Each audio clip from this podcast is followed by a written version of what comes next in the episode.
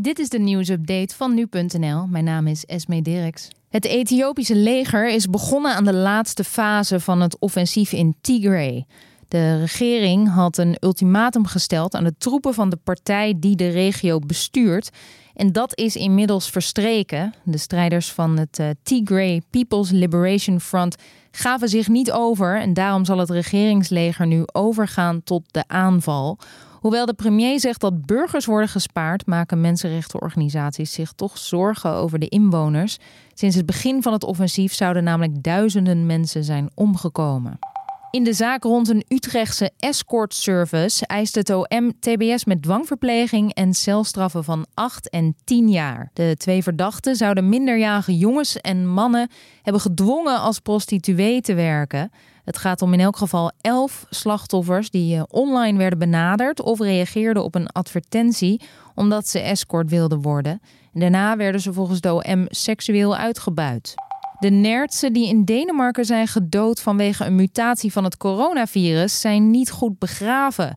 De massagraven blijken te ondiep te zijn en daardoor komen de lichamen boven de grond. Gassen die bij de ontbinding zijn vrijgekomen, duwen de dode dieren namelijk omhoog. En verschillende Deense media delen nu beelden van een militair terrein dat bezaaid ligt met nertsen. Inmiddels zouden nieuwe massagraven met een diepte van 2,5 meter zijn gecreëerd. Volgens de politie is de kans op verspreiding van het virus klein. Toch wordt het terrein afgebakend om eh, infectie bij andere dieren in elk geval te voorkomen. Twee mannen zijn veroordeeld tot deels voorwaardelijke celstraffen voor hun aandeel in de demonstratie in Den Haag tegen de coronamaatregelen.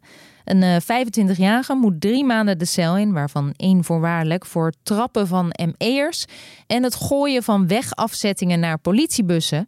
De ander, een 27-jarige, krijgt drie maanden, waarvan twee voorwaardelijk. En dat is voor het slaan van een ME'er en het vernielen van een politieauto. Gisteren werden er al uh, zes demonstranten veroordeeld tot taakstraffen en voorwaardelijke celstraffen. Voor uh, ja, wat de politierechter omschreef als een explosie van geweld. En Frankrijk gaat de lockdown versoepelen. Het gaat namelijk de goede kant op met de coronacijfers daar. De versoepeling gebeurt wel in fases. Aankomende zaterdag wordt de lockdown vervangen door een avondklok.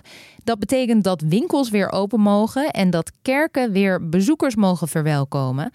En het betekent ook dat kerst gevierd mag worden, op bescheiden wijze weliswaar.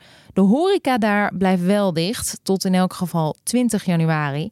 Duitsland daarentegen kan nog niet versoepelen, bleek vandaag. De huidige maatregelen gelden daar waarschijnlijk tot in januari. Dit was de nieuwsupdate van nu.nl.